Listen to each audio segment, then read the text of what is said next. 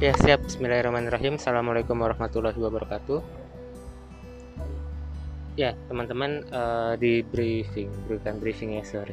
Di spiritual morning pagi hari ini Ada satu hal ya Insight yang menurut saya cukup menarik. Dan saya rasa ini uh, Semoga juga bisa bermanfaat ya Untuk BMKA terutama.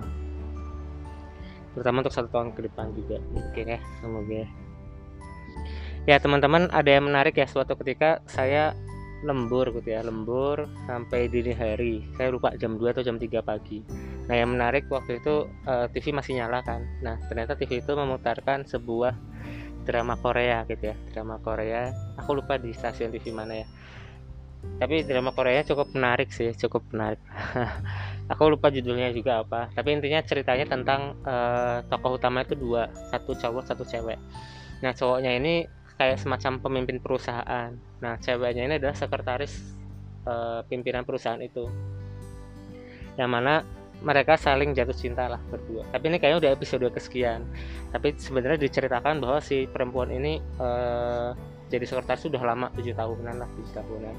Terus uh, apa namanya sama si pemimpin perusahaan itu. Tapi mereka sekarang baru baru menjalin kasihnya sekarang.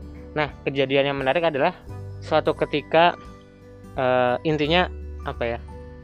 Bumbu dulu nggak ya? Bumbu dulu ya. Jadi sebelumnya tuh ini akhirnya apa uh, anak-anak perusahaannya orang-orang di perusahaannya pada tahu itu mereka pacaran. Terus dikira dikiranya si perempuan ini mah cuma apa namanya cuma apa namanya menang cantik lah ibaratnya gitu jadi sekretaris gitu gak punya kompetensi dan sebagainya. Tapi akhirnya teman-teman yang emang dari sama perempuannya ini kayak marah gitu. Si perempuannya udah berjuang tujuh tahun ya sebelum mereka emang pacaran sama si bosnya gitu kan. Gitu terus akhirnya pada kisruh di level bawah. Nah sampai suatu ketika ternyata esok harinya ada kejadian luar biasa di perusahaan itu. Jadi kejadiannya adalah kalau nggak salah ternyata perusahaannya adalah perusahaan elektronik ya. Kayak bikin-bikin laptop gitu ya high tech dan sebagainya. Nah mereka tuh lagi bikin rancangan laptop yang mau dipublish segera gitu ya. Tapi tiba-tiba esok harinya ada perusahaan saingannya tuh mempublish dengan desain yang serupa gitu ya. jadi kayak ada plagiarisme lah gitu kan. Wah langsung satu perusahaan tuh langsung chaos banget kan. Terus akhirnya si bosnya ngumumin ke sekretarisnya undang semua direktur gitu ya kita rapat mendadak gitu kan. Akhirnya si uh, sekretarisnya undang semua direkturnya. Nah cerita yang menariknya adalah pada saat rapat itu akhirnya si bosnya ini tokoh utamanya bertanya ke para direkturnya ini kenapa kejadian kayak gini? Terus apa yang harus bisa kita lakukan? Gitu kan. Terus ada beberapa orang yang ngasih usulan. Satu usulannya ya udah kita potong harga aja biar kita lebih murah dan sebagainya. Terus si bosnya marah gitu kan. Emangnya kita uh, barang apa barang murahan gitu ya sampai belum belum publish aja udah langsung dipromo dan sebagainya gitu kan. Langsung enggak gitu kan dan sebagainya. Nah intinya ternyata sampai satu solusinya adalah si bosnya cerita bahwa apa uh, teknologi yang teknologi baru yang akan kita launching tahun depan gitu. Dia nanya apa teknologi baru yang akan kita launching tahun depan. Ada ini ini. Oke, kita percepat launchingnya menjadi yang sekarang gitu. Ya. Jadi masukkan itu di uh, laptop yang baru ini mau kita publish gitu kan. Terus sambil yang lain urusin masalah uh, legal dan apa tuntutan untuk uh, plagiarisme yang dilakukan sama perusahaan yang lain itu gitu ya. Dan akhirnya dengan bantuan saya sekretarisnya emang sangat sigap, jadilah semua dokumennya dalam waktu satu hari untuk bisa dijalankan. Nah itu kisah singkat dari drama Koreanya. Cuma saya mendapati satu poin yang menarik ya. Menariknya adalah e, ternyata perusahaan saya nggak tahu mungkin di film ya, tapi mungkin di perusahaan aslinya seperti itu juga perusahaan elektronik ya. Aku nggak tahu sih mekanisme mereka bergeraknya gimana. Tapi kejadiannya pada saat misal nih laptopnya Ari kan keren ya Predator misal mau di launching gitu kan. Terus ada perusahaan lain yang menyerupai gitu ya. Nah ternyata taktiknya adalah si bosnya bilang gitu ya apa teknologi baru yang akan kita launching tahun depan? Kita launchingkan percepat jadi sekarang. Jadi aku mikirnya bahwa perusahaan itu perusahaan besar terutama mereka sudah punya karya-karya atau apa ya eh, produk-produk yang sudah disimpan gitu ya untuk di launching kemudian hari. Jadi emang sudah prepare uh, melakukan langkah besar tuh jauh-jauh hari. Preparasinya udah luar biasa kan. Bahkan sampai punya timeline teknologi apa akan dikeluarkan kapan teknologi apa akan dikeluarkan kapan. Mungkin pertama memang direncanakan terus dibikin dan sebagainya. Sehingga mereka punya timeline untuk uh, naik levelnya terus-terusan gitu. Mungkin kalau sekarang kita lihat ke BEC main ke BEC kita sangat mudah setiap setiap bulan kita ganti ada HP baru gitu ya. Jadi kayak hebat juga ya mereka secara berkala ada update update terus gitu ya. Kenapa enggak langsung satu kali langsung perfect gitu ya. Terus nggak bikin bikin lagi. Tapi mereka kayak punya rencana untuk uh, naik level naik level naik level terus gitu kan. Gitu. eh kebayang nggak ya? Kebayang ya. Nah terus ada ada menurut saya tuh menarik banget ya. Berarti mereka punya apa ya rencana ya untuk uh, karya-karya besar yang memang sudah diprepare dari sekarang. Terus kisah yang selanjutnya adalah masa-masa pandemi. Masa-masa pandemi mungkin kita melihat bahwa streaming online itu lagi gencar-gencarnya ya. Eh, streaming online streaming film ya. Film streaming apa namanya sih streaming online ya film ya streaming film ya. Sebutlah uh, ini bukan iklan nih tapi kayak sebutlah kayak ada uh, Catch Play, Hook, Netflix sekarang ada Hotstar ya nggak sih? Dan yang lain-lain ya kalau di produk lokal ada apa? Video RCTI Plus dan sebagainya. Nah sampai suatu ketika saya kan sebetulnya suka nonton film ya, terus suka buka-buka YouTube. Nah, di YouTube itu yang menarik adalah uh, trailer-trailer yang banyak muncul adalah trailer-trailer film-film yang dibuat sama sepuntan salah satunya adalah Netflix. Jadi masa-masa pandemi ternyata Netflix banyak banget ngeluarin karya-karya film gitu ya. Mungkin teman-teman tahu apa pemainnya Thor siapa? Hemsworth. Chris Hemsworth ya. Itu keluar film juga tokoh utamanya dia ya, ya tentang penculikan anak gembong narkoba India gitu kan terus ada film-film yang lain dan banyak dipublishnya itu masa-masa pandemi sampai suatu ketika saya waktu ngelihat trailernya di YouTube terus aku lihat komen-komen ada satu komen yang menarik gitu ya. Komennya adalah gila ini eh, Netflix udah tahu bakal pandemi apa ya? Jadi dia menyiapkan film-film sebelumnya gitu untuk bisa dipublish masa-masa pandemi gitu kan. Dan film itu kan nggak mungkin ujuk-ujuk langsung dibuat dan jadi kan. Apalagi masa-masa lockdown awal kan nggak mungkin mereka bikinnya masa-masa lockdown. Tapi berarti mereka membuat itu jauh-jauh hari sebelumnya. Jadi kayak mereka sudah merencanakan karya-karya besar secara paralel mungkin ya secara paralel dibuat. Ada tim A kalau bikin film apa tim B bikin bikin bikin bikin bikin gitu ya. Pokoknya sampai bikin karena pembuatan film kan panjang. Contohnya bikin film ikro aja kalau yang aku nggak salah dengar 2014 akhir pembuatan dan akhirnya bisa ditayangkan tuh Januari 2017 Ikro yang pertama ya. Walaupun mungkin pembuatan 15 16 udah selesai mungkin atau 2015 ya. Tapi sampai akhirnya tayang di bioskop ternyata 2017 awal. Nah untuk karya besar aja memang butuh waktu yang panjang kan gitu. Nah yang menarik adalah eh, saya rasa misal contohnya Netflix itu ya mereka mungkin punya bikin tadi ya banyak tim langsung bikin bikin bikin bikin gitu sehingga mereka bisa merajai uh, mungkin kemarin masa-masa pandemi cukup aktif juga. Nggak cuma film layar lebar ya maksudnya nggak cuma filmnya sekali selesai tapi seriesnya banyak banget kan ya. Keluar baru-baru iya nggak sih? Pada yang suka nonton Netflix ya. Banyak lah gitu ya banyak. Kakak kakaknya aku suka Netflix ya jadi banyak series baru dan sebagainya gitu kan kok bisa mereka bikin? Nah menurut saya ini ada sebuah perencanaan jangka panjang ya dan sangat-sangat keren banget.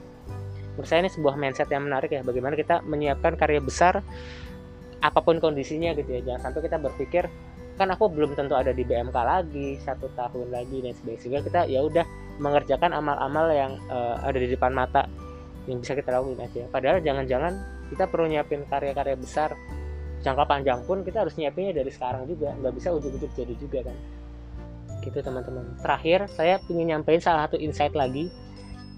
Nah satu hal yang menarik insight waktu pandemi kemarin kebetulan saya sempat megang kelompok keluarga. Kelompok keluarga kebetulan memang sejak awal luar kota. Nah eh, pada saat megang kelompok keluarga luar kota itu awalnya itu sebelum pandemi pakai zoom dan sebagainya kita mentornya pakai wa kita janjian tuh oke okay, kita mentoring jam 4 sampai jam 5 misal kayak gitu ya. Di awal sudah ada kesepakatan oke okay, siap-siap. Mentoring awal mungkin banyak yang aktif ya. Assalamualaikum siapa yang udah hadir? Hadir hadir hadir hadir gitu ya. Terus kalau mentoring pingin apa aktif tanya jawab saya kadang ada pertanyaan kan gimana kalau gini gini apa kalau kayak gini gini gimana menurut mendapat teman-teman? Awal-awal masih banyak yang jawab. Tapi sampai akhir apa setelah berjalan masa-masa pandemi itu kita bikin apa bikin mentoring itu kadang saya nge-publish kan saya udah bikin kontennya nih di grup titip gitu ya. Grup pribadi WA gitu kan. Sehingga tinggal sebar-sebar kan.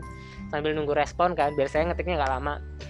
Misal materi tentang apa gitu saya nyampein kisah ini ini ini, ini gitu. Saya nanya pendapatnya gitu. Gimana nih teman-teman dan sebagainya. Nunggu jawaban itu menurut saya lama banget. Saya sampai sampai seuzonnya banyak banget lah gitu ya. Seuzonnya adalah ini pada nggak nggak komitmen nih dengan kesepakatan mentoring dan sebagainya waktu saya coba apa bat kan kadang di bisa kita ini ya. Read ya udah di read atau belum uh, deliver atau belum.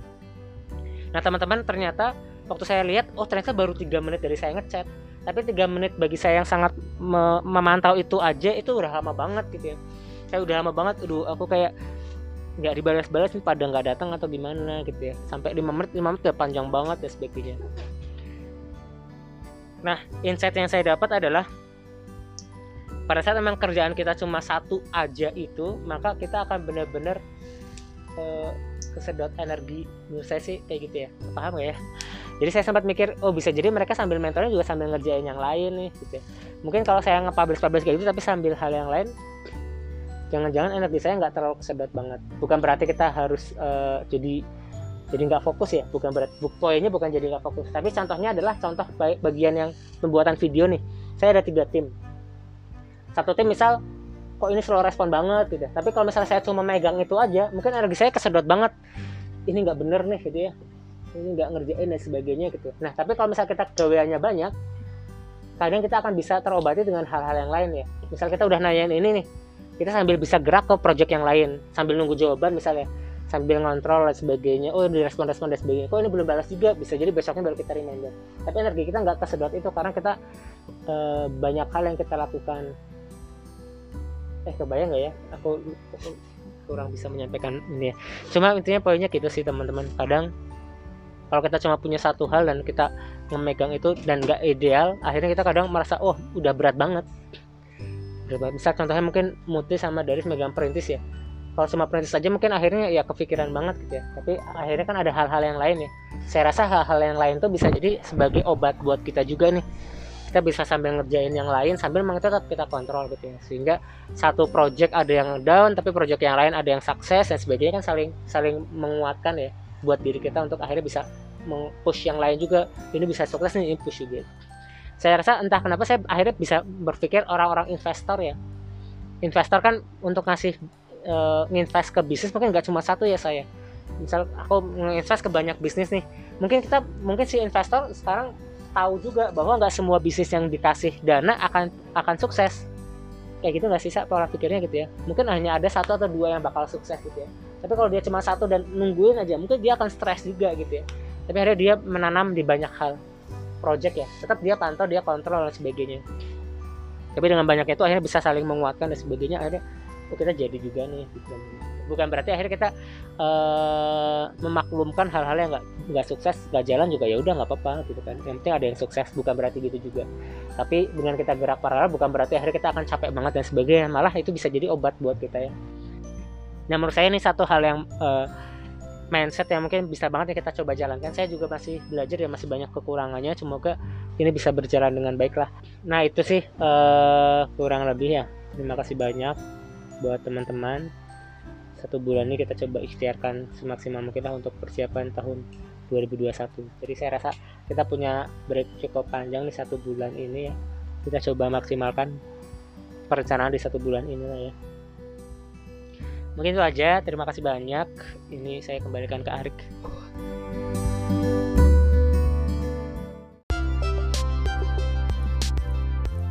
Jangan lupa untuk selalu lihat pagi-pagi sekitar jam 6 sampai jam 7 bakal ada postingan terbaru di Spotify Pojok Gedung Kai.